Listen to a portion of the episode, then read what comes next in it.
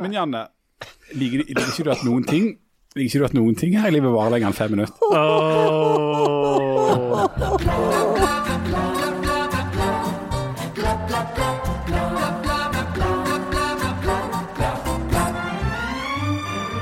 Ok, så Sylvi Listhaug har tatt over Frp. Bøndene i harnisk. Israel og Palestina har begynt å utveksle flygende sprengstoff. 17. mai nærmer seg. Kristi himmelfartsdag er tatt over av jeg vet ikke, kanskje muslimene eller noen. Harald har muligens en heffalump i hagen, så jo da, vi skal nok få tida til å gå i dag òg.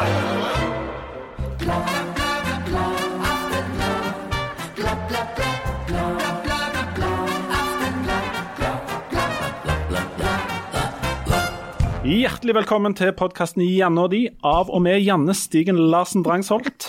Og altså de. Janne er altså professor i internasjonale rim og regler. Og de er altså, ikke at det betyr noe, men de er altså Ikke at noen bryr seg, men de er ja, Det er jo knapt nevnt hvert lufter. Herregud, så dårlig diksjon du har.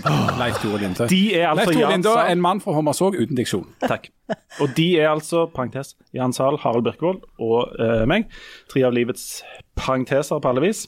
Knapt verdig å knele i lys av Rogalands smaragd, Janne Stigen Larsen Prangsvold. Takk. Objekt for sonetter og beundring for Harald Birkevold spesielt. Hun har forresten klipt seg i dag. Ja, Eller jeg vet ikke om det var i dag du klippet Det var kan- sikkert ikke i det var i dag. Du kan ikke legge an på henne. Harald. Du kan ikke legge an på henne. Du kan ikke drive over Harald er, er jo bare grei. Ja, det er det de tror. Og så plutselig Så er de forlova. Jeg ligger som gjedda i sivet, ja. som en erotisk torpedo Og hvis dere følger med på uh, vår I sivet. i sivet. og hvis dere følger med på vår splitter nye Instagram-konto, som vi nå skal reklamere voldsomt for, så kan dere etter hvert se bilder av Harald i sivet. Han har uh, Nei, nei. Jo, jo. Vi skal ha ut bilder av i sivet, og da kan dere se Janne sitt rusta kort, uh, Jan sitt møte med en eh, kjendis.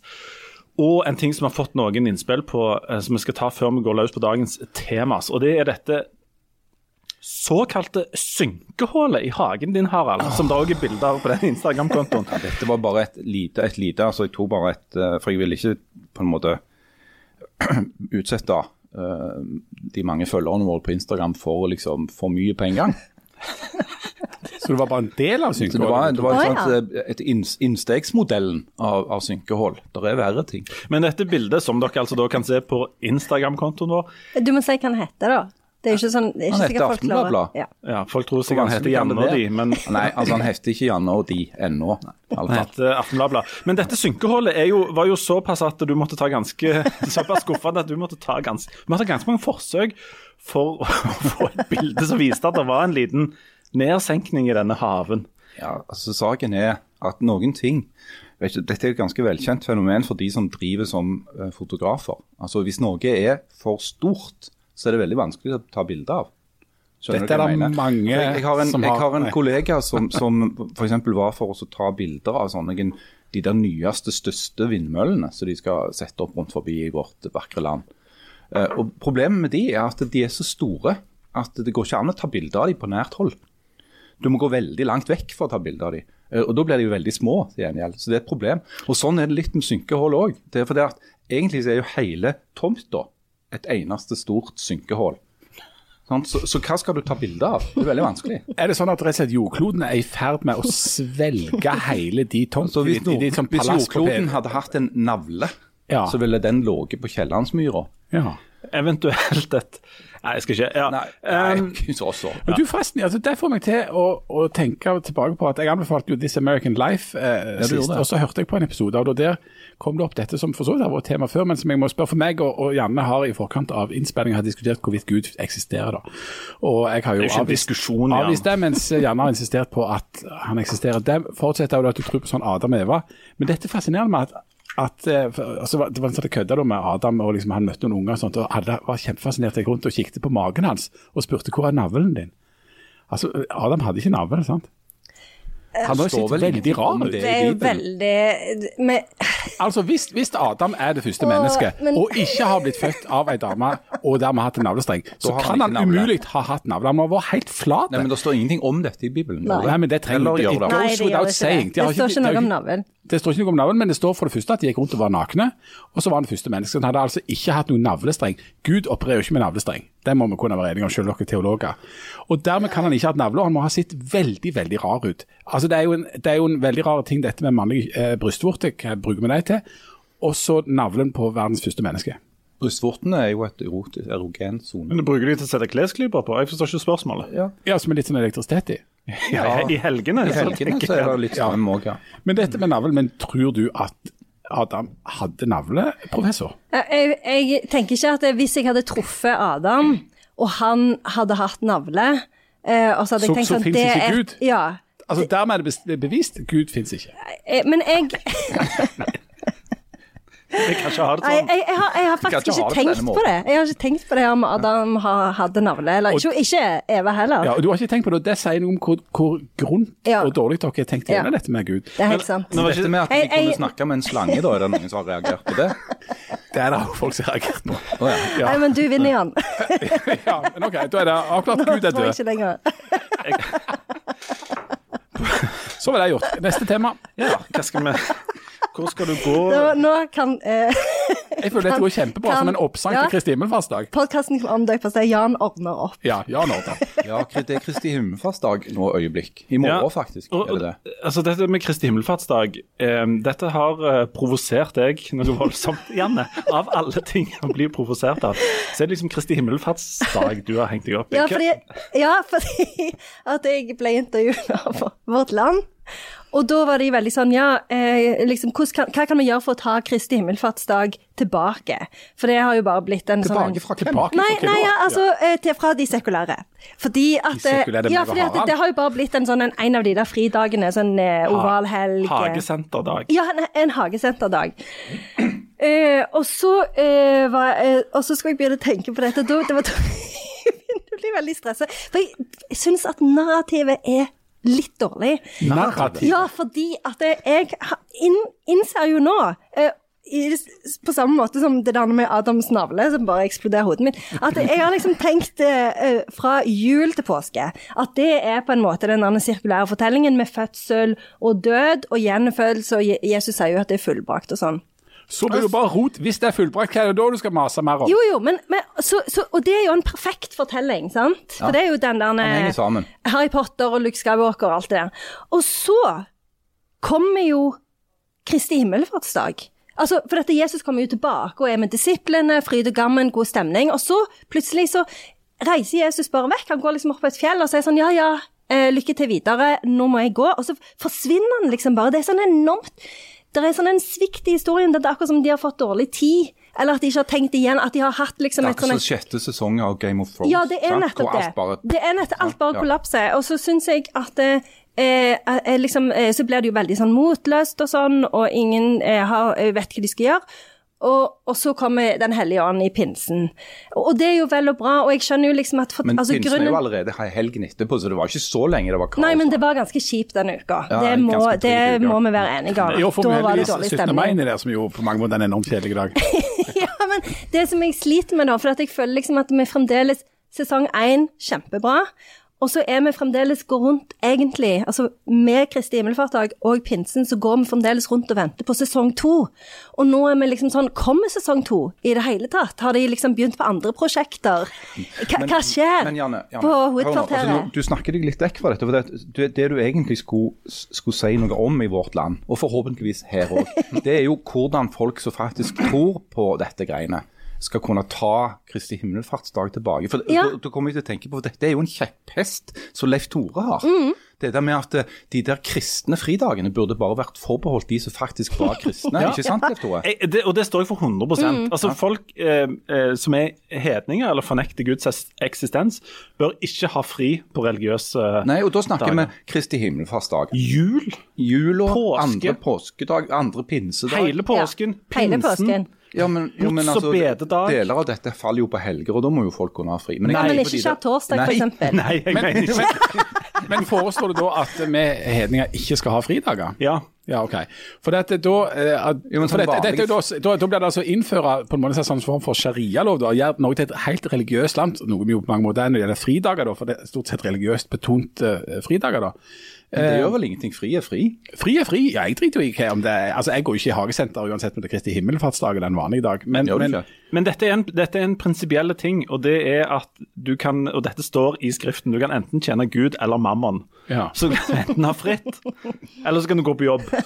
Ja. Men du, jeg har et forslag. Ja, et, et, et, forslag, et forslag inspirert av Bibelens fortellinger. Ja. Det jeg foreslår eh, på Kristi himmelfartsdag, du Jesus fra Homasoko Butan, det er at du kan gå inn i det som har blitt Mitt da. Kristi himmelfarts katedraler og tjeninga av Mammon, altså hagesentrene, så går du inn, og så kveltrer du de forskjellige uh, tingene som står der inne, og, og gjør opprør, og, og kaster de Sånn ut Jesus gjorde når han renset av tempelet. Ja.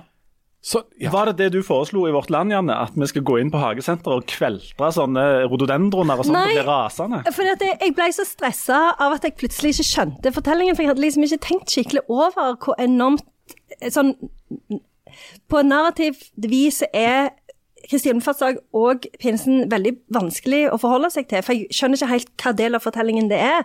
Eh, så, så da ble jeg bare mer sånn Ja, jeg òg liker å gå på hagesenter. På Så du tok den der ydmyke 'jeg òg gjør feil'? Ja, jeg gjorde det. Men så følte jeg at jeg framsto bare som en sånn en semisekulær dust. Så jeg var veldig misfornøyd med hele intervjuet. Jeg håper ingen leser det. Kan jeg, eh, Kanskje de, et tips er jo at de ringer til Lindøy. Da kan de få litt mer at, eh, litt sånn ingresser og, og overskrifter. Og det, det tror jeg er en god Mm. idé, for jeg tror Vårt Land er i stadig mer beito for sånne lavkirkelige kilder som kan si ting på en Jo, men det- som ikke er prest. Men det sa de. Hun Sunniva Gulva kan jo ikke snakke om alt. Nei, men de sa jo det. Nå har vi, eh, nå har vi intervjua en teolog, vi har intervjua en prest. Vi trenger en annen hvilken som helst. Og det var meg. Men Du fikk du inntrykk, noe inntrykk av hva, hva, hvordan vårt land tenkte at, det, at dette her, denne tilbaketakingen av, eh, av eh, eh, Kristi himmelfartsdag skulle, skulle skje? Nei, eh, jeg tror at det var det som var problemet, og jeg tror at de syntes det var veldig sårt at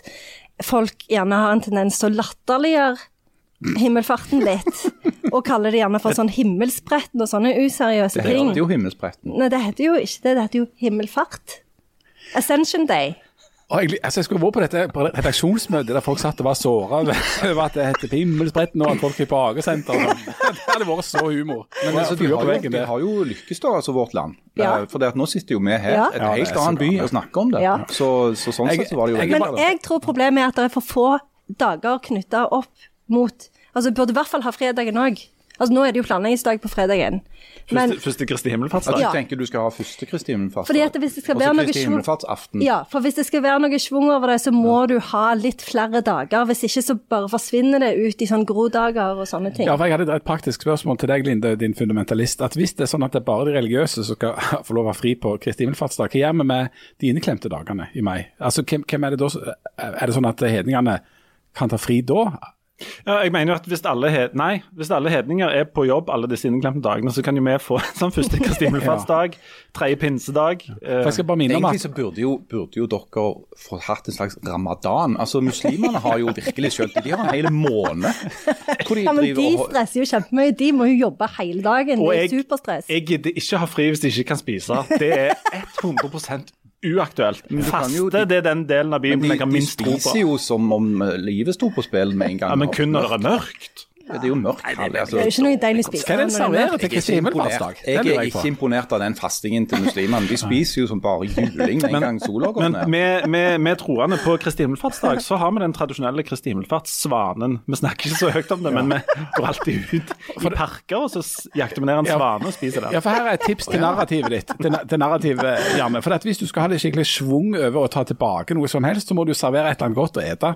Til jul så spiser vi julemat, og Ja. til påske så spiser vi lam. Eh, Og til Kristi himmelfartsdag eh, Svane. Ja, grille og det er jo nettopp det som er problemet, fordi at er, er, påsken er så enormt lett å forholde seg til. Den er så konkret. Jesus dør fysisk og gjenoppstår fysisk, og òg for jødene med, Nei, du- eh, han- med han- lammet og blodet og alt Det det er bare noe folk tror. Ja, ja, han, han, han gjør jo det. Han gjør jo det, Jan. Han gjorde ikke det. Med navle og alt. Dessverre. Eh, og, og, Men, på, men så kommer han jo tilbake i en sånn en ikke ta på meg-aktig form, og så forsvinner han plutselig igjen. Det blir liksom, og så kommer den, og Den hellige ånd er liksom vel og bra, men det er jo ikke Jesus. Altså, det er jo, kan jo ikke sammenligne det med å ha Jesus som en del av gruppa. Det er litt sånn David Lynch hatt overtatt Eller at de har gått tom for litt sånn manusideer, så de må plutselig være noe overnaturlig. Ja, det syns jeg òg. Og så tror jeg etter hvert vi må komme oss videre fra Kristin.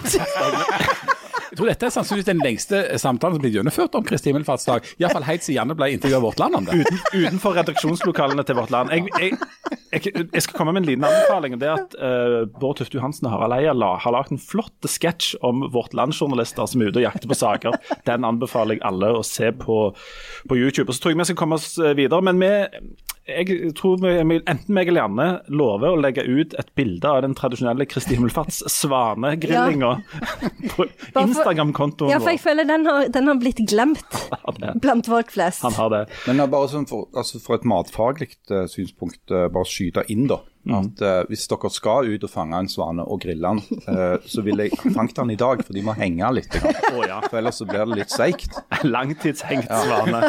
Så det er ingen grunn til å, å, å, sitte på hendene, for å si det sånn. Bare få ut, ut, og få drept dyret med en gang. Og Hvis dere ser to litt mørkkledde kristne, kristne va, va, Med gjeskeskjermet. Ja, så er det, det er ingenting som skjer der. Bare gå forbi. Ta det helt rolig. All right. Um, de er um, sterke òg, vet du, svanene. Ja, de er kjempesterke. Du, du, må virkelig ha du må ha litt sånn fast i klypene. Men det er vel som å plukke opp høner, at du må først få tak rundt vingene deres. Nei, for de har jo så lang hals, så de nebb som du, oh, ja. du stryker de oppå hodet, og da går de inn i en slags sånn transe. Ja. Akkurat så de sovner. Ja. Og når de er sånne, så bare vrir du rundt nakken på dem enormt fort. Okay, okay. Det er derfor vi pleier å organisere sånn at hele menighetsrådet jakter i flokk. ja, ja. Noen tror at de er ute etter muslimer, men det er faktisk bare ute etter svaner. Så jeg kan bare berolige folk med det. Um, men følg med på Instagram-kontoen vår. Aftenbladblad, så skal du få se svane, forhåpentligvis. All right, skal vi hoppe over til neste. Du Harald, eh, er jo ikke ja. så opptatt av Kristi himmelfartsdag, men eh, du har sittet og fulgt med på landsmøtet i Frp. Ja, det har jeg. Eh, og de har fått en ny leder. Det har de. Siv Jensen har uh, takket for seg. Ja. Og hvem har overtatt? Nå er jeg spent. Det er Solveig Horne. Nei, det, Nei, det var ikke, uh, hvem var det nå igjen? Uh, Sylvi Listhaug. Sylvi Listhaug var det, ja. Stemmer det. stemmer det, stemmer det. Du, ja. Kommer det til å bety noe til eller fra for Frp, som jo nå er på der pilene peker litt nedover før valget?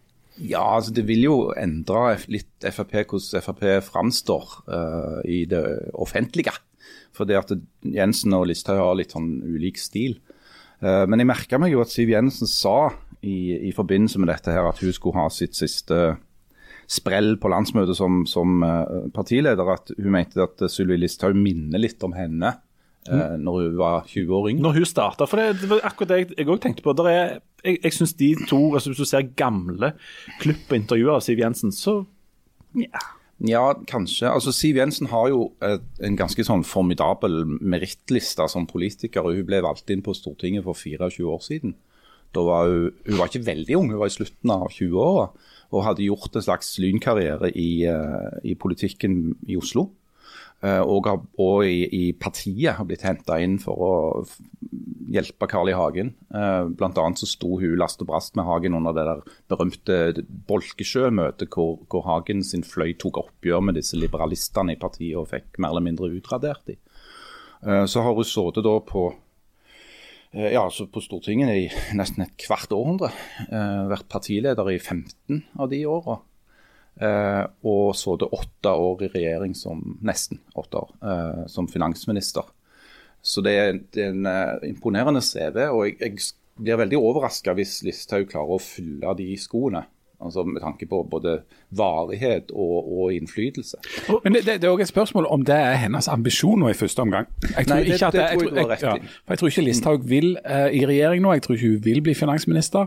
Jeg tror det hun må sette i gang med nå er et sånn gjenoppbyggingsprosjekt uh, av Frp, der de må redefinere seg selv. For lenge var det et prosjekt for Frp som da var voldsomt gode på å være i opposisjon. De er på, på et vis en sånn evig opposisjonsparti. Og så ble det et prosjekt, og det var jo Siv Jensen sitt prosjekt, å få de inn i regjering. altså du, du, driver jo et politisk parti, du driver med politikk fordi du vil ha makt. Og Hvis du skal ha makt, så må du nødvendigvis havne i en posisjon der du kan få utøve makt. og Den beste plassen å gjøre det er jo i en flertallsregjering.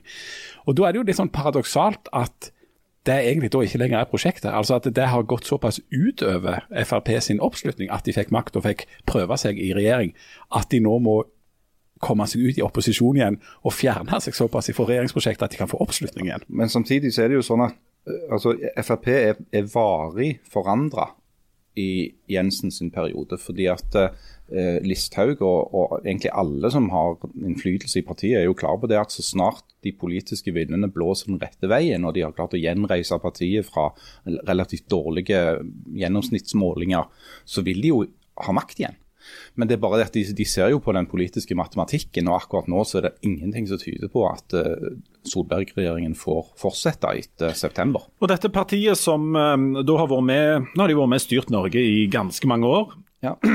Og dette landet som Frp har vært med styrt, henger nå ikke i, på greip, får du inntrykk av når um, Nei, og Det var kanskje noe av det mest interessante med, med talen fra et sånt analytikerperspektiv. Det var jo at uh, hun nevnte nesten ikke de åtte årene i regjering med finansminister og en haug med andre poster med ett ord. Det hadde jo ca. 3000 justisministre inne. Uh, ja, de, har, ja, de hadde nest, nesten, nesten 4000 forskjellige justisministre fra uh, Frp, uten at dette ble tatt opp i det hele tatt. Uh, og, det, og, det, er jo òg, som Jan sier, fordi at akkurat nå så handler alt om å reindyrke Frp. Og det er jo i den sammenhengen at Listhaug kommer inn, da. Uh, denne reindyrkingen kan jo få mange slags rare utslag, bl.a. i at Frp går med brask og bram inn i denne kulturkrigen. Altså Noe av det første som skjer etter dette møtet, er at de lager en masse sjau og spetakkel av en ikke-sak om at det skulle serveres noen linser som en del av kjøttkakemåltidene på sykehjem i Oslo. Altså sånn typisk eh, sånn rage-bate for folk som mener at vegetarmat er en slags form for sosialisme eller uh, muslim, muslimisme eller noe sånt. Og, og, Du vil få mer av det med Listhaug som, som partileder, fordi at hun elsker de der eh, sånn engangsopphisselsene.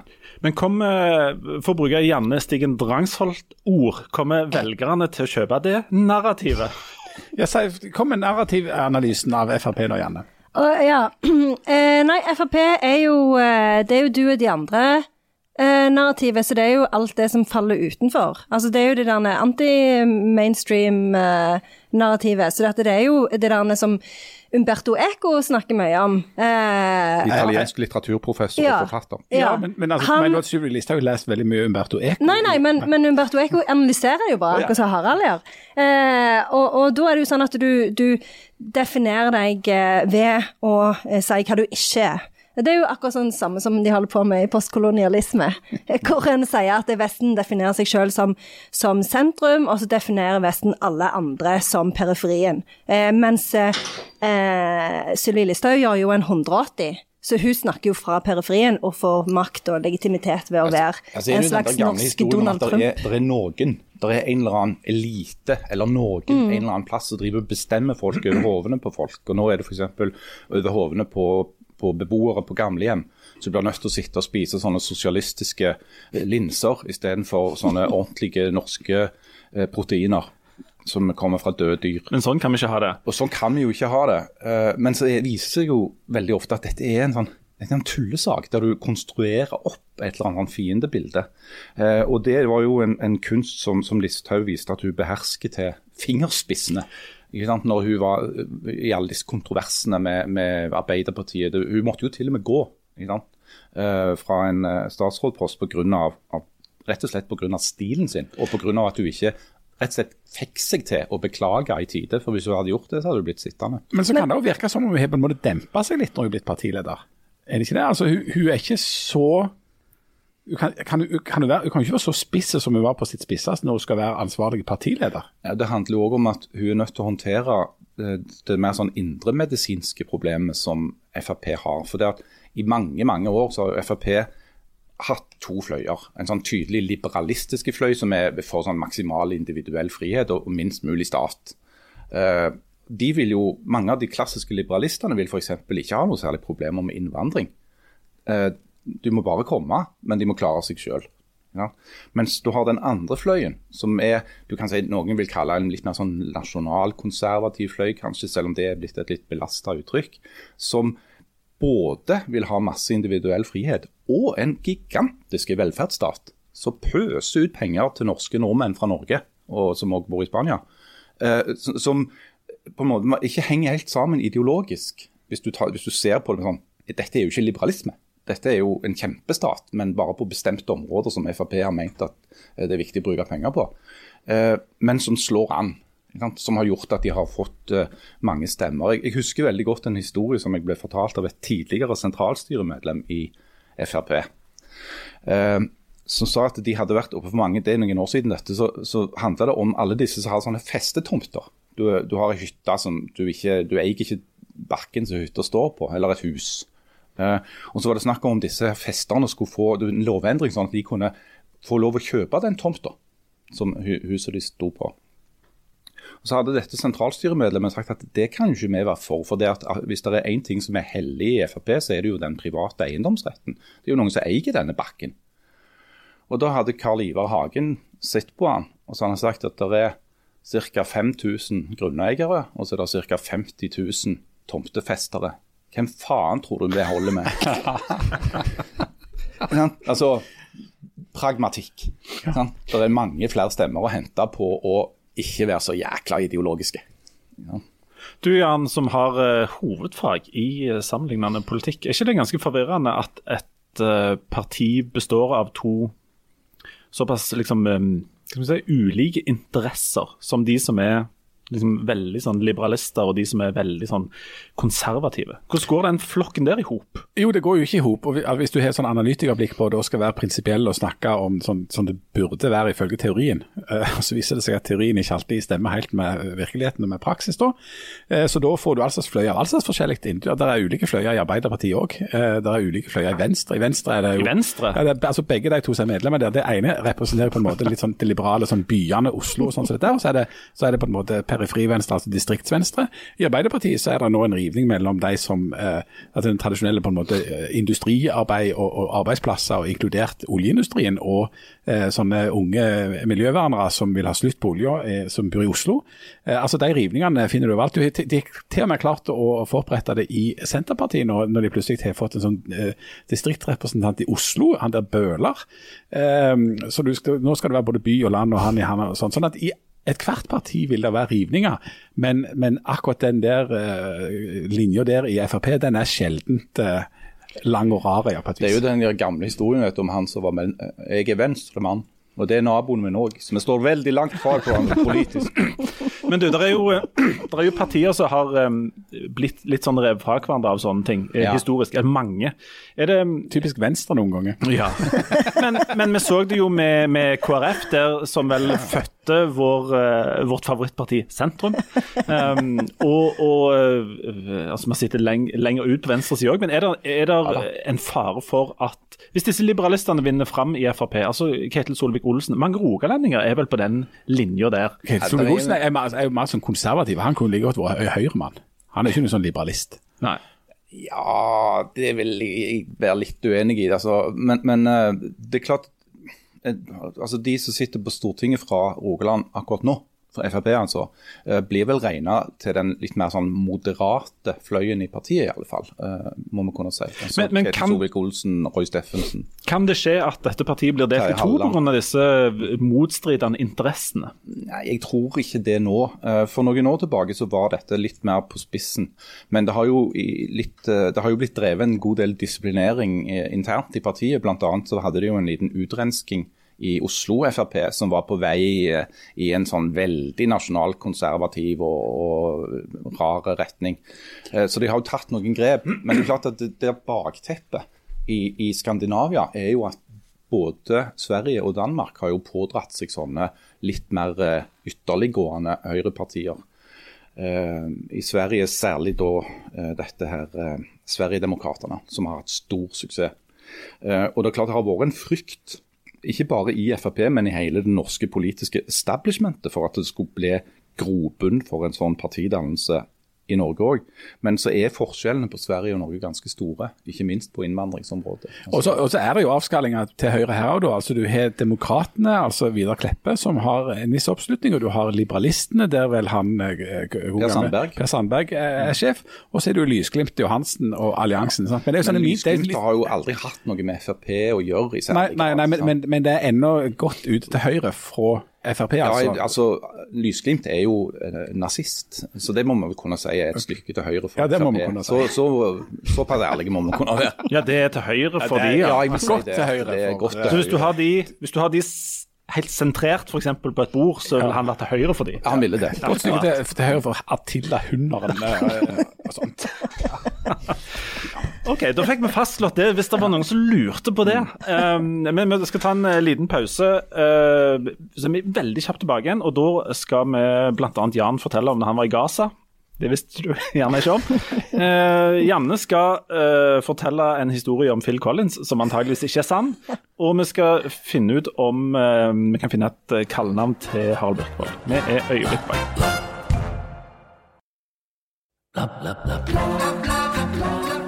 Hjertelig velkommen tilbake til Janne og de, podkasten tidligere kjent som Aftenbladet. Eh, på, jeg vet ikke om vi har nevnt vår Instagram-konto. Jeg tror du har vært inne på han et par ganger. Liksom du var på sånn markedsføringskurs. Sånn Ja, ja, medier. SoMe-kurs. Ja. Hva heter den igjen? Han heter vel Aftenbladet, mot din vilje, Janne. Du ville jo at han skulle hete Janne og de, men det ble veldig forvirrende. Men du Janne, du, for du driver og bruker sånn Instagram voldsomt eh, bevisst og, og sånn som dette. her. Hvorfor gjør du det? Eh, Jeg syns Instagram er et ganske sånn positivt sted. Jeg syns det er ganske gøy. Det er fin pause på hjemmekontoret. Eh, eh, Facebook syns jeg er litt mer sånn stress. Folk blir så sinte der. Hisser seg så veldig opp. Hva tror du kommer til å skje på Instagram når vi legger ut bilder av at meg og deg står og griller en svane? Nei, men Hvis vi lager en litt sånn positiv undertekst på det, så tror jeg folk vil være med. Du må bare gjøre det med litt glimt i øyet. Men, men, men det er jo det er veldig bra, syns jeg, at, at Janne er her og kan gi oss sånne råd om, om sånn so me. Er det ikke dette? Sosiale medier. So me. So me. For det at du, du er liksom så god på det. Du kan si sånne ting som å, nå må vi legge ut noe, for ellers så For vi har ha liksom Content is king og sånn. Det er Eh, kjempeviktig. Og, og Du det kan er viktig å sånn oppdatere hele veien. Ja, det er kjempeviktig. Du kan ikke eh, jeg, Hvis vi skal ta selvkritikk allerede, hvis vi skal gjøre opp status allerede nå, så syns jeg vi er litt treige med å legge Jeg Kunne vært enda flinkere med å legge ut ting. Men det er ikke lov å legge ut flere ting hver dag. Da må det jo være noe sånn ekstraordinært. Men hver dag bør du Hvorfor er ikke det lov? Nei, for du vil ikke spamme folk med masse bilder. Det blir folk veldig lei av. Da blir det veldig sånn herlighet.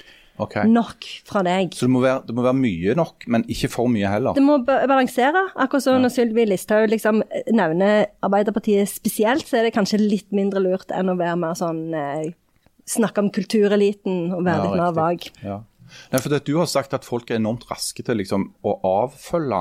Ja, enormt raske. Er de Det skal det, altså? ingenting til før folk avfølger, og særlig på Instagram. For da kan du bare trykke på avfølging. Du trenger ikke å defriende, liksom. Sånn som du gjør på Facebook. Jeg har aldri avfølgt et eneste menneske på Instagram, for jeg kommer ikke på hvordan jeg skulle komme på å avfølge dem hvis de f.eks. ikke legger ut noe. Jeg tipper at når uh... Eller kanskje de bare legger ut ting som irriterer deg. Kanskje det er derfor. Det, hvem vet hvorfor folk avfølger? Det er jo et mysterium. For eksempel hvis folk ikke liker å se svaner bli ribba, at de gjerne avfølger Ja, da kan det være de avfølger, men ikke hvis du gjør det sånn som Harald foreslår, med en- glimt i øyet. på en artig måte. jeg- For det er hvis- folk som liker artige ja. ting. Ja, det med glimt er også med litt sånn stor bevegelse, sånn at det sitter ei sky av svanefjær. Hvordan lager dyne av dem, forresten? Ja, eller kanskje lage, de er lage et ikke gode outfit. til dyne. Å, nei. Eh, Jeg har prøvd. Men gås er vel veldig bra Gås er kjempebra. Smaker svane og gås likt eller ulikt? Nei, ja, ja og nei. Altså Svane er mye, sånn, har en mye dypere og egentlig rikere smak. En gås har lett for å bli tørt. Ja. Eh, det er veldig vanskelig å få gås riktig stekt. Altså Hvis han er Hund understekt hund òg kan være veldig tørt hvis du Ja, hvis, hvis gås er understekt, så smaker han ikke noe godt. Og hvis han blir overstekt, så blir han hard. Eh, men svane er mye lettere, for den kan du servere liksom rød i midten. Medium rare. Eh, Jeg fikk, jeg fikk tilbud om et parti eh, Det hadde jo vært litt tøft å sammenligne. jeg fikk tilbud om et parti andefett i går. Det har jeg tenkt å takke ja til. Selvfølgelig. Klart. Romerne hadde jo mange gode oppskrifter på svane. Og de hadde jo òg på disse overdådige bankettene sine, så hadde de jo den her fascinasjonen med å fylle dyr med andre dyr. Så da kunne de gjerne liksom begynne med en struts.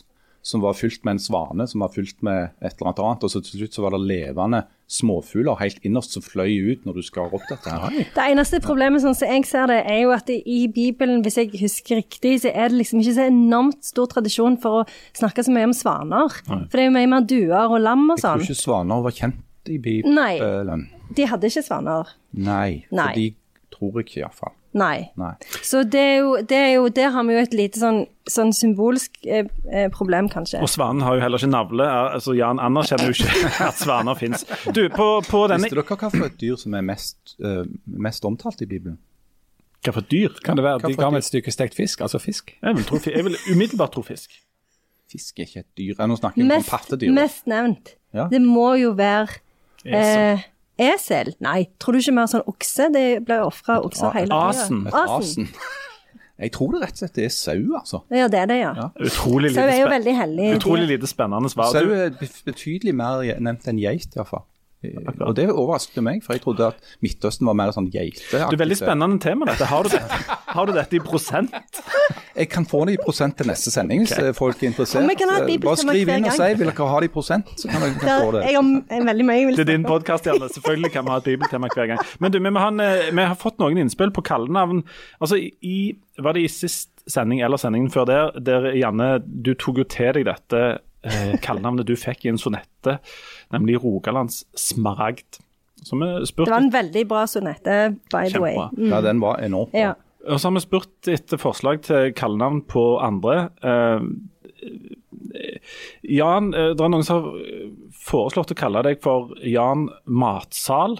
Jeg syns ikke det sitter helt Nei, jeg synes 100 ikke det ennå. sitter helt Altså, Det jeg kan avsløre i den anledning at jeg, det jeg lenge planla hvis eh, jeg skulle formeire meg og få barn, var at jeg tenkte at de skulle hete Salt etternavn og så ha ulike fornavn, da, som jo er vanlig skikk. Jeg, Det er, det. kjempe, det er kjempevanlig. Ja, men men det, det jeg hadde tenkt på min, min førstefødte, hvis det ble en sønn, var at han skulle hete Paradok.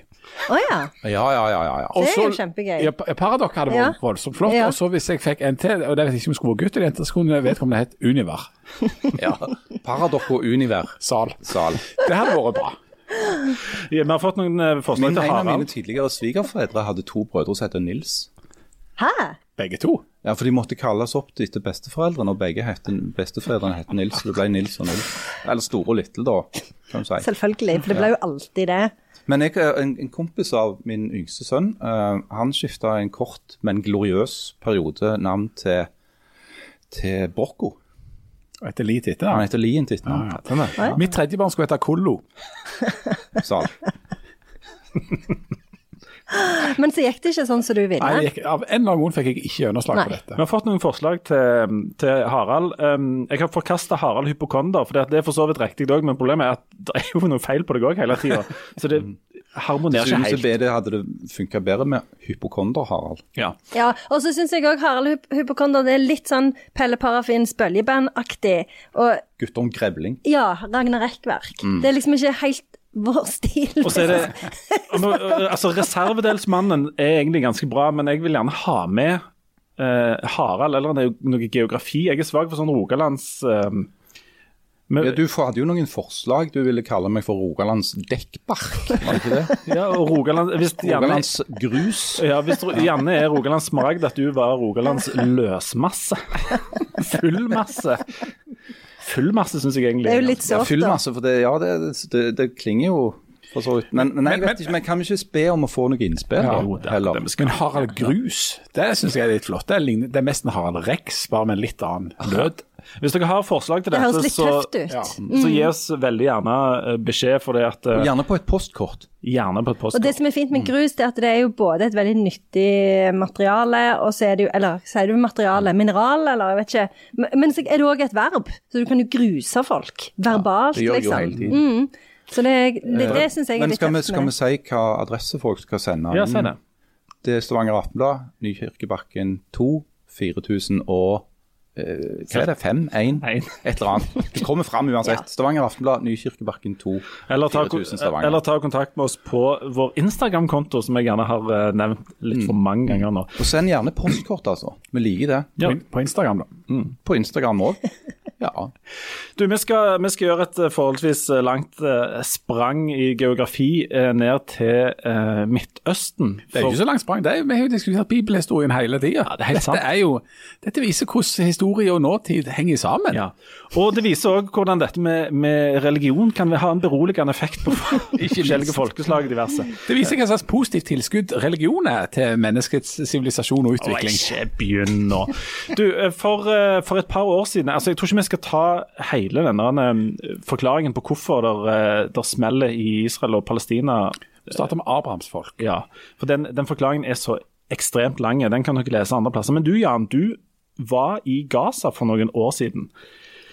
Uh, og når uh, jeg tenkte når du skulle reise ned til Gaza, så tenkte jeg da er det rett inn i, i en svær flyktningleir av en eller annen valør der det mangler alt og ikke er noe, og der det er livsfarlig og du må gå med skuddsikker vest og sånne ting. Ehm, ja, du kan gjerne si litt om bakgrunnen for hvorfor du var der først. Jeg kan jo si litt om bak- bakgrunnen for at vi skal snakke om det nå. Det er jo fordi at det er eh, reell, stor og reelle fare for at en konflikt som nå har blussa opp mellom Israel og Gaza, eh, skal komme helt ut av kontroll. Altså, Det har vært strid om noen bosetninger i Jerusalem, og det har ført til at Hamas, som styrer Gaza, har sendt noen raketter i retning Israel. Israel har jo et uh, helt ellevilt uh, rakettforsvar, så de skyter jo stort sett ned disse rakettene. Men de har da returnert noen raketter til Gaza, som har ført til at det er mange som har blitt drept. Uh, sånn at det, og det, Den konflikten har jo ligget der veldig veldig lenge. Og Vi reiste til Gaza som en del av dette Forbudte stemmer-prosjektet. Den podkasten tåler òg å høres. Gå inn og finn Forbudte stemmer, hør den. Der hører dere en, en episode fra Gaza. Um, og, og Det hadde utgangspunkt i at vi, eh, ble kjent med en kar som hadde kommet seg ut av Gaza, og som hadde bosatt seg i eh, Göteborg. Han drev med rapping i eh, Gaza. Og rapping på Gaza, det, da blir du kanskje hipp og kul blant ungdommen, men blant de som styrer Hamas, som er en ganske strengt religiøs organisasjon Ingen rappfans. Ingen, ingen rappfans, eh, så, så var ikke det så populært. Sånn at han, eh, han kom seg derifra.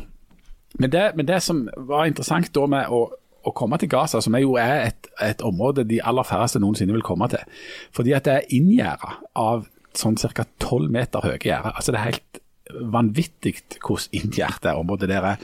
Det er så inngjerdet at eh, det blir omtalt som verdens største fengsel i praksis. For du kommer verken inn eller ut. Du kommer ikke inn der hvis du ikke har et helt spesielt ærend, og hvis du har tillatelser og sånt, og du må jo gå gjennom noen sluser noen sikkerhetskontroller som du ikke vil tro. Og så kommer du inn da i et område som er så tett befolka, altså det er omtrent verdens tettest befolka område, for det bor kolossalt med folk innenfor disse murene. Um, der er det ganske håpløse forhold eh, og ganske desperat eh, situasjon. Eh, folk har ikke jobb, strømmen kommer og går, vannet kommer og går. St- store deler av byen var opprinnelig eh, flyktningleirer, men nå ser det bare ut som en by. En sånn forfallen og, og, og by som, som er i krise. Og Der inne er, er situasjonen desperat, og der inne styrer Hamas, som da er i sterk konflikt med Israel, og som er definert vel som en terrororganisasjon av, av USA. sånn at Der går det sånn passe. Hamas og, og, og, og Gazastripa er jo en del av, av en de palestinske områdene. Så finnes det andre palestinske områder. De er styrt av Fatah. Og Fatah er òg i konflikt med Hamas, og det er altså et styr av den verden. Og Noe av det rare er jo hvordan skal du leve i på en sånn plass, og hvordan skal du manøvrere der? Hva skal du gjøre for noe? For alle utsiktene der inne er egentlig helt håpløse. Og Noe av det jeg lurer jo på når da Hamas begynner å skyte ut raketter fra Gaza mot Israel, så tenker jeg det kan jo ikke føre til noen ting annet enn at Israel slår voldsomt tilbake. Og dette må jo Hamas vite om. Og dette er jo testa opp gjennom historien Ja, utallige ja. ganger. Vi vet jo hva som skjer. Ja, Vi vet jo hva som skjer, det, men det sier noe om på en måte desperasjonen og situasjonen der. Det, det sier noe òg om det når ungdommer på Gaza på en måte går og hiver stein mot disse herrene, enorme murene og risikerer å bli skutt der, som de òg blir med gjennom. Hva er det som får folk til å gjøre det? Hva er det som får Hamas til å gjøre dette her? Det sier noe med desperasjon og om en konflikt som er aldeles fastlåst. Og der- og så sier det noe om maktkamp og kynisme, og om at det er ikke nødvendigvis de som trykker på knappen for å sende rakettene, som etterpå blir drept. Og at det er et stort politisk spill både inni Gaza, og det er et politisk spill i Israel, som også, der det òg er kaos nå rent så politisk. Ja, og det er ei suppe, og problemet er jo til slutt at det blir drept en masse sivile folk. Så det er veldig deprimerende hvordan historien bare gjentar seg og gjentar seg. For disse her scenene blir jo utspilt med ujevne mellomrom eh, om igjen og om igjen. Eh, Hamas sender disse rakettene, som må jo være av eh, særdeles dårlig kvalitet, for de, de treffer jo sjelden noe som helst, eller blir skutt ned. Og så svarer Israel, og det vet de jo. Eh, og de som betaler prisen for dette her, eh, maktspillet mellom Hamas og, og Fatah, for det er jo det det òg dreier seg om. Det dreier seg om at Hamas nå kjente på trangen til å markere seg og, og vise at de eh, er mer ytterliggående enn en sin motpart på Vestbredden. Eh, og så får du denne reaksjonen. Og prisen blir betalt av vanlige folk, som alltid. Det er de som dør. Men eh, altså dette med Hamas og Fatah, kan dere forklare det litt nærmere? For det er to ja, det, altså det, Noen ganger kan du få inntrykk av at disse driver valgkamp med å prøve og at noen skyter mot Israel, og noen Altså at det, det, er sånne elementer i dette. Altså, eh, Fatah er den politiske greinen av gamle og ikke veldig gode PLO. Eh, som, du kan sammenligne det litt med det som, som har skjedd i Nord-Irland. Hvor du hadde da IRA, som var den militante opp eh, frigjøringsbevegelsen, og så hadde du da Sinn Fein, som var det politiske partiet som siden har blitt mer stuereint og valgt inn i parlamentet. og det hele tatt. Litt tilsvarende med PLO og Fatah. Eh, og Fatah er jo den delen av den, altså den palestinske forsøksvise statsdannelsen som blitt anerkjent eh, og har møterett i FN, i Norge og andre land er jo vært med å, og som aksepterer eh, Fatah som, som representanter for den palestinske staten. Hamas er jo da en mer militant islamistisk organisasjon som heller ikke har, aldri har godkjent, altså akseptert Israel som et land. Eh, De er fortsatt på den linja at Israel okkuperer palestinsk land, altså hele Israel, og de vil ha de vekk. Eh, Og Hamas har jo da blitt eh, valgt og gjenvalgt som makthavere på Gazastripa. Og den konflikten mellom Hamas og Fatah er nesten vel så sterke som konflikten mellom de to organisasjonene og Israel. Og interessant nok, når vi var på Gaza, eh, så var det altså med utgangspunkt i en eh, rapper som kom fra en Fatah-familie. Hans far var general i hæren og var en eh, samarbeidspartner av Yasir Arafat. Sånn at begge var palestinere. Men når, han, når de da bodde på Gaza, som var styrt av Hamas, så var hans fremste beef var altså ikke med Israel, men med Hamas. Fordi han var Fatah sjøl. Så eh, ja, det er ikke enkelt. Nei, Det er en forferdelig situasjon, fordi at hele bakteppet for dette her er, og det syns jeg vi har en tendens til å glemme noen ganger, det er at Israels Israel sin okkupasjon av Vestbredden og innesperring av Gaza er i helt åpenbar strid med folkeretten. Det har òg FN eh, sagt fra om flere ganger. Eh, og under eh, Benjamin Netanyahu, eh, som er statsminister i Israel har blitt gjenvalgt flere ganger, så har Israel ikke bare fortsatt, men de har akselerert eh, okkupasjonstaktikken med å tillate stadig flere bosetninger, stykke opp de palestinske områdene i så små lappetepper av land at de er nesten umulige å se for seg at det kan bli noen, altså noen reelle statsdannelse på Vestbredden. Så for mange praktiske formål, eller alle praktiske formål, så er jo dette her, denne fredsprosessen i, i Midtøsten den er fullstendig død. Altså død som en sild. Det kommer aldri til å bli noe reell eh, palestinsk stat. Eh, det ville Israel sørge for med USAs hjelp. Og det hjelper ikke at Joe Biden er president i USA nå. Og Israel er jo opptatt av trygghet. sant? Altså, Hvordan skal du sikre trygghet for, for innbyggerne dine? sant? Og Da bruker de trygghetsargumentet for å bygge gjerder og bygge bosetninger. og Det er, jo også inngjerding og kontrollposter eh, rundt omkring i de områdene. Det er ikke bare Gaza, eh, som er helt sånn Du vil ikke tro det. Eh, Jeg har aldri sett så mye væpna soldater og politi noen plass som skal sørge for tryggheten. Eh, og så har jeg på en måte heller aldri følt meg mindre trygg, på et vis. Så, så, så det er en sånn det er en runddans der. Men samtidig så er det jo, hvis det hadde vært lett å løse dette, så hadde det gått fint. Eh, For kjempelenge siden så var vi en gang- på en rundtur i Sør-Amerika der vi møtte det som er en veldig vanlig ting å møte hvis den tida det gikk an å reise på rundturer i verden, nemlig eh, ungdom som hadde avtjent verneplikten i Israel. De pleier å feire den lange verneplikten, at de er ferdige med dem, at de reiser på jorda rundt. Treffer alltid masse israelere ute på tur. Og Så kom vi snakk med noen av dem, og, og vi, vi, begynte å, å moralisere litt sånn, fra sånn norsk perspektiv på hvorfor kan dere ikke ordne opp, og, og, og okkupasjon og liksom sånn.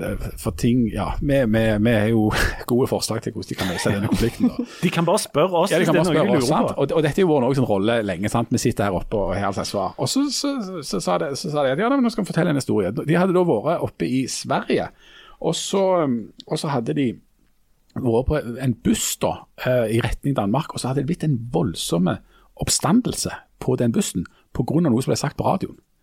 Og, og så ble de litt sånn annerledes israelerne. Ja, hva, hva er det som skjer? Nei, det er en, det er en voldsom konflikt mellom, eh, mellom Danmark og Sverige. Så liksom, og nå kom det noe nytt om det. Og så sier de ja, ok, sånn konflikt mellom to nabofolk, der, der kjenner vi litt, så hva er det konflikten går ut på? Ja, det var, altså, det var snakk om at de skulle bygge ei bru, og så var det hvor den brua skulle gå. Uh, så det var det voldsomme konflikter nå. Så liksom, ok, så det, ok, det er det nivået det er Det er det som er nivået. Det er det som er nivået. Så sa de til oss ok, men så nå spør vi dere som er fra Norge og som kan fortelle oss hvordan vi skulle løse denne konflikten på en bedre måte. Hva er det største politiske problemet dere strever med i Norge? Og Da var jeg uh, ute på tur med bl.a. Kjetil Lund, som eh, nå er direktør i NVE, men som lenge var, ble, altså, altså ble Jens Stoltenberg sin skjerpa og gjorde en voldsom karriere. eh, og ble statssekretær og all slags sånn som dette. Men da, da var han akkurat ferdig å studere, og jeg var ferdig å studere. Og så sto vi der og tenkte. Han, han var siviløkonom, jeg var statsviter. Og så var det sånn, ja, hva er det største problemet i Norge som politiker? Hva er den store diskusjonen går på? Jo, og så innså vi jo hva det var. Det var hvor skal vi gjøre av alle pengene? Vi har så mye penger at det er en voldsom diskusjon om hvor mye skal vi sette av i et fond, hvor mye skal vi bruke nå, hvor mye er det forsvarlig å bruke. Det er den store politiske diskusjonen, den store politiske utfordringen i Norge. Og Da sa de på en måte OK, greit. Men det var jo før vi fikk dette problemet med hva vi skal gjøre med Kristi himmelfartsdag. Nettopp. Nå har vi jo det. Nå er vi en helt annen plass. Det er tankekors. Ja. Og du har dette med tilbehør til svane òg. Ja, og inneklemte fredager og, og, og sånn. Ja, og dette med om hedninger skal tvinges til å jobbe hver søndag, eh, som jeg mener er no-brainer, men eh, Kunne du stappet noe hvit asparges inn i, i svanen, sånn at den var ferdig grilla? Ja, men jeg er ikke helt gift med denne tanken om svanen. Jeg, altså, jeg syns vi bør fortsette den diskusjonen om hva det som egentlig skal passer være. veldig, veldig godt til svane? Det er en puré på rødbeter som du lager ved å dampe rødbetene, helst i en trykkoker. Og så blander du den rødbetepureen med eh, godt smør, kanskje litt olivenolje, eh, salt og pepper, litt urter. Eh, kjørvel f.eks. Mm. passer veldig godt. Til Kjørvel går det til svane. Ja, det går til svane. Eneste jeg reagerer på, det er at det blir veldig sånn likt i fargene. For hvis det var en sånn djuprød farge på svanekjøttet Ja, og en har du, så djuprød har du selvfølgelig rødbete noe grønt til, f.eks. Mm. en spira- spinatpuré eller en ja, Men det er veldig mørke farger. Det høres veldig Ja, men mørkt det ut. er alt mørk, dette. altså, det er jo det som er litt dumt med å spise svane i mai, selv om det er en tradisjon, særlig da, i kristne miljøer. himmelfartsdag, ja. Eh, Så er jo svane, sånn som jeg ser det, i mye større grad en vinterrett, altså måneder med R i. Ja, ja. Eh, Men det er noe sånt. Ja, ja, det, det, det får bli opp til deg, det. Det blir jo Hvor mange, men hvis du, Når du inviterer da til det tradisjonelle Kristi himmelfartsselskapet, eh, hvor mange går det på en svane, egentlig? eh, Du som har litt greie på mat. svanen. Altså, Det kommer ikke an på svanen. Hvor lenge Du har kan, ikke, du kan ikke skrive sånn, high oppskrift sånn Ja, når det gjelder antall, så kommer det an på svanen. Det, det, hvis, det, er det er godt. en En standard svane. Det er jo aldri en standard svanebaby. svane. Eh, altså jeg ville unngått, Hvis jeg kunne det, så ville jeg unngått veldig gamle hannsvaner, for de kan bli litt litt Ja. Ja. uh, men altså en, en, en babysvane, tre til fire personer. Mm. Uh, en voksensvane, fem til seks. Fem til seks? Ja. Mye, mye mat på dem, vet du. Store, store brystfileter. Ja, jeg tenkte egentlig at jeg, jeg tror jeg må ha to svaner, jeg, for jeg har jo ja, du, men du spiser jo så grassat du må jo tenke på hvor mange du har mulighet til å invitere òg, da. Det er jo, det er jo ikke hvilken som helst eh, Kristi himmelfart. Nei, Nei. Nei, men, altså, eh, en sånn koronakohort, Ja. så, så tror jeg det holder med én Ja. svane. Hvis, I hvert fall hvis du har mye te og poteter og sånn. Ja. Du tenkte potet, ja. Ja, og waldorfsalat og de tingene. Å ja, Waldorfsalat skal gjøre. Det høres ut som en julemiddag. Kanskje det er midt på Kristi himmelfartsdag. Jeg sier som, i denne sammenhengen som Tønes. Det er mange som ikke kan lage waldorfsalat. Men, Men de hva- lager det likevel. ja. Vi, Men kan vin passe skal ikke ha vin. eh, i den Det drikkinga. svane er rødvinsmat. Helt klart rødvinsmat. vin! er Kristi himmelfart? Det Dette- hører jo vin til Kristi himmelfart. Dette i, i, i, er Så langt jeg vil strekke meg til, til bibelkritikk, er dette med at Jesus gjorde vann om til vin. Der, der sier jeg sånn som de sa de gamle konservative. Vi er klar over det, men vi liker det ikke. Nei. Nei. Men han, han Men, eh, mente men noe altså, med det. Det var ingenting som Jesus gjorde som var tilfeldig. Åpenbart rødvin. Ja. Ja, det er det. Ja. Men eh, ja, for det er såpass For du sier det er mørkt. Det er mørkt kjøtt. rikt, eh, Ja. velsmakende. Ja. Anbefales på det varmeste. Mm. Det er bare å gå ut og finne en svaneprøve. Da, da overlater vi resten av svanen til vår Instagram. Mulig du må ta det i år, Janne, fordi at jeg, eh, telefonen min er litt dårlig. Så satser på at eh, Janne fra podkasten Janne de legger ut bilder av ribbing av svane. Da får du sikkert mange venner. Uh, med, uh, Det er jo akkurat det jeg trenger. Du, du du, du lovte at hun skal snakke om Phil Collins? ja, men jeg tenkte at uh, vi, vi er nødt til å avslutte nå. De som vil ha en Skal vi ikke snakke om 17. mai heller? Jo, et, et, et, nå sier vi at vi slutter av sånn at ikke episoden blir så lang. Ja, men de okay. som vil henge med oss til et lite nachspiel nå, Ja. de Jeg skal ikke snakke om Phil Collins på et sånn lite nachspiel, så da får vi ta og dytte det til neste. Men Nei, nei, nei, vi, skal, vi, skal, vi har lovt vi skal ta det nå.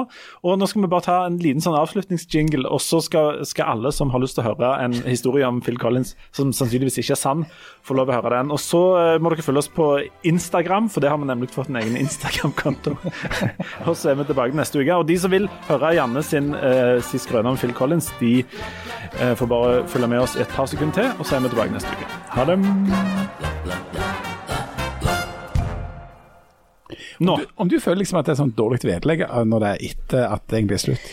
Er det da det jeg bare, Det er jo ikke the main? Hæ? Ja, er det det? Ja. Ja, men det, det er sånn, det Jeg er sånn nachspiel, men ofte er jo nachspielet beste. Ja. Eller jeg syns alltid forspill er best, for jeg blir veldig fort sliten.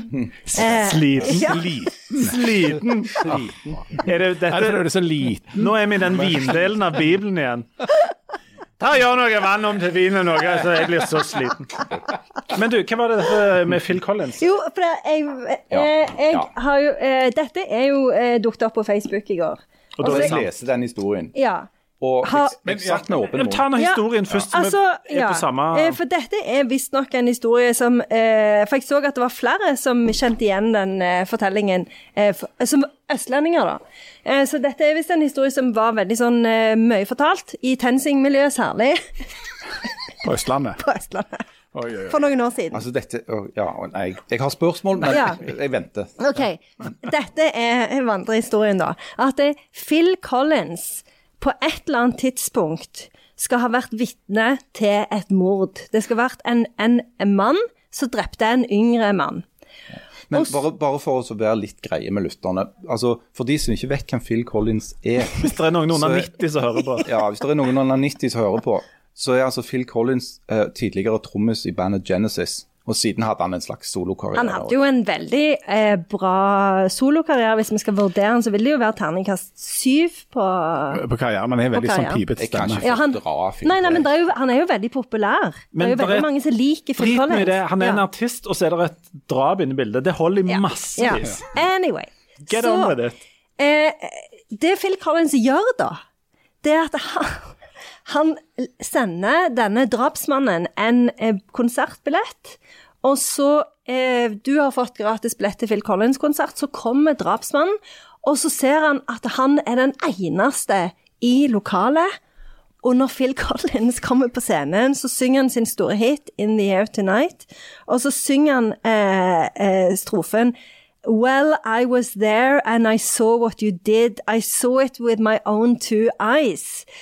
Eh, og det er fortellingen. Altså, så han, han setter opp en slags sånn eh, jeg, jeg mener, Det er mange spørsmål som jeg får av det, men dette er den historien som har vandra rundt. At dette har skjedd, og at Phil Collins har satt i gang en sånn eh, stor operasjon da, med å leie lokale, trykke ut én falsk billett. Eh, eh, og arrangere dette bare sånn at han drapsmannen skal være sånn, Sånn at, eh, altså For å få arrangere en slags pseudokunstneriske happening, Ja. så lot han en drapsmann gå fri. Ja, det, det, for historien forteller jo ikke noe, for det er det jeg lurer på. Var det sånn swarm, swarm, swarm etterpå, da? At liksom man ble satt i håndjern og sånn? Det eh, forteller jo historien ingenting Ja, for jeg ville jo, vil jo tenkt sånn umiddelbart Nå er ikke det, dette, jeg, jeg har ikke vært borti dette sånn sjøl, at jeg f.eks. har stått og sett på at noen dreper noen andre. da. Men min naturlige sånn respons ville vært altså Den naturlige tingen ville jo være å ringe til politiet, f.eks. Ikke, ikke arrangere festspillene i Bergen. I Bergen. For liksom. Ok, nå der Jeg kom, jeg kom i tanke om, om romanen 'Professor Andersens natt' av Dag Solstad, Ja, ja, ja. eh, som jo har et, et helt tilsvarende tema. Der professor Andersen som vanlig feirer julaften hjemme hos seg sjøl, alene. Og så blir han vitne til det han mener er et drap i en, en leilighet tvers over gaten. Og da, etter mye tenking på solskarsk vis med, med dårlig tegnsetting, så, så kom han fram til at dette vil han ikke eh, rapportere til noen. Han vil bare sitte og, og vite det sjøl. Ja. Men Phil Collins vil òg at han skal vite at han møtte. Ja, det er det han strir med Solstads professor, da, om han skal konfrontere denne drapsmannen. Ja, Sånn at han vet at noen mistanke. andre vet Ja. om det. I saw it with my own two eyes. Men er det, er det liksom noen indikasjoner på at dette faktisk stemmer? Altså, dette kan Nei. ikke Nei, nei, det er bare Det er- tull. Selvfølgelig er dette bare tull. Det er jo veldig rart at men- han her fyren ikke har syntes at det er rart at det er ingen i baren, ingen i liksom At det er ingen andre publikummere noe sted. At han bare står og venter Det er- og liksom er sånn Oi, fyll! Jeg kan ikke forstå at vi diskuterer dette i det hele tatt. Det er jo helt selvfølgelig er dette Men bare det tull. minte meg om en annen vandrehistorie som jeg lurer på om jeg kan ta opp, som var veldig populær i Rogaland. Men skal vi omtrent bruke opp alle alle og innen Nei, nei, men jeg bare lurer på denne her, eh, som jeg ikke husker helt, så det ble jo ikke så det, det er de beste historiene. Det er jo en sånn, en, noe fra en sånn konsert eh, hvor enten det er Mark Knopfler eller Eric Clapton som spiller fancy gitar. Og så sier han liksom til publikum sånn Er det noen som spiller gitar her? Og så er liksom alle rekker på hånda. Er det noen som er gode og spiller gitar? Litt færre rekker på hånda. Og så til slutt sånn Er det noen som spiller like bra gitar som meg? Og da er det én som står igjen med hånda oppe, og det er Øystein Sunde. Ja, det er jo en vandrehistorie. Ja, det er jo en historie som vi alle har hørt. hørt, jeg har hørt en annen variant av han, at han i et intervju skal ha sagt at, uh, at han var så liksom, enormt fascinert av gitaristen Øystein Sunde. Eric Clapton eller Mark Knopfler. Knopfler. Knopfler. Ja. Eh, og dessuten så skal det da ha dreid seg helt konkret om en fingerteknikk. Ja, Ja, for ja, Altså, han er jo en veldig teknisk gitarist. Det er kjekt å ha måten å spille gitar på. Ja. Den der plukkinga med Ja. Hvordan, altså, vi har jo av og til diskutert og, og, om, om vi holder på for lenge i disse podkastene. Så vi Og så bare- vi snakket om at ja, kanskje vi bør lage det litt kortere. Dette er faktisk den eneste sammenhengen hvor jeg blir eh, kritisert for å holde på for lenge. men, men altså, når du, hvis du skal gjennom både Kristi himmelfartsdag og, og Vårt Land Ja. og, og 17. mai. 17. ja, men har vi fått kritikk for at vi vi skulle jo òg løse, eh, krisen i Midtøsten. Ja. Det er klart at det tar litt tid. Ja, ja, ja. ja. Og, og mm, dette med det hva tilbehør du skal ha til Svane, det er jo Det er heller ikke gjort i en håndvending. Nei, og dette er jo en ganske sånn ny Det er mange som ikke vet om denne tradisjonen. Men, det, men, det, men det er jo oppsiktsvekkende at folk i TenSing-miljøet trodde, trodde på den Phil Collins-historien. Men folk Men i TenSing-miljøet de tror jo på mye rart. Pluss at det er jo på Østlandet, og jeg vil si at liksom sannsynligvis Eller eh, du, har du vært med i Jeg har ikke TenSing-miljøet? pløyd meg gjennom uh, TenSing-miljøet på Østlandet. For, Nei, så du vet jo ikke da, for dere Du hadde var ikke med i sånn store TenSing-miljøet på gatherings. Ja, men ikke på Østlandet. Vi hadde ingen kontakt med vil du med tro at det er liksom en sånn forskjell? Eh, La meg, eh, altså For å uh, ta det litt i perspektiv, eh, i sånn Kristi himmelfartsperspektiv. Når du får den historien først, og så får du etterpå den på Phil Collins, og du tar den første, så tar du fort den andre òg, tror jeg. Det, det viser jo Det er jo egentlig en sånn